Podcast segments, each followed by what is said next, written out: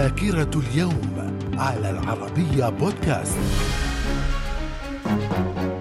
أهلا بكم إلى ذاكرة اليوم الخامس عشر من أكتوبر في العام 1912 ألفريد فاغنر يتمكن من صياغة نظرية الانجراف القاري. في العام 1913 تيمور بن فيصل يصبح سلطانا لعمان ومسقط. في العام 1950 بداية دخول القوات الصينية للأراضي الكورية. وفي العام 1951 القوات البريطانية تنتشر في منطقة القناة لاحتلالها وذلك بعد موافقة البرلمان المصري على قرار رئيس الوزراء مصطفى النحاس بإلغاء معاهدة 1936 من الذاكرة. ومن ذاكرة الخامس عشر من أكتوبر في العام 1955 تأسيس اتحاد إذاعات الدول العربية. في العام 1964 تفجير أول قنبلة ذرية صينية. في العام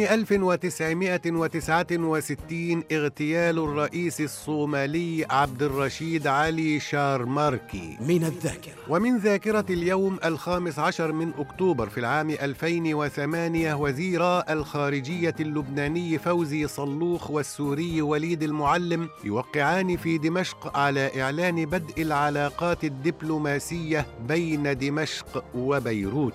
وفي العام 2012 حكومة الفلبين وجبهة تحرير مورو الإسلامية توقعان اتفاقا إطاريا يفترض أن يرسي خلال أربع سنوات سلاما دائما وحكما ذاتيا للأقلية المسلمة في جزيرة مندتناو جنوبي البلاد.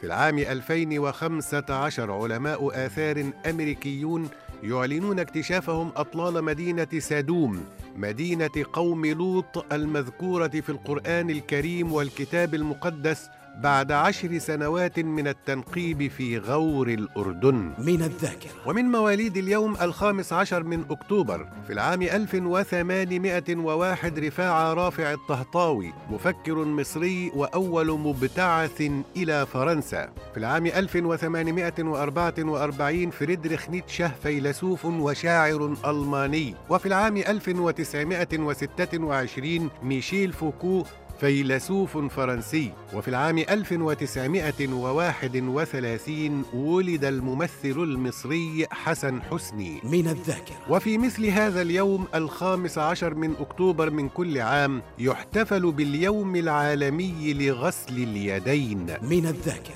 إلى اللقاء.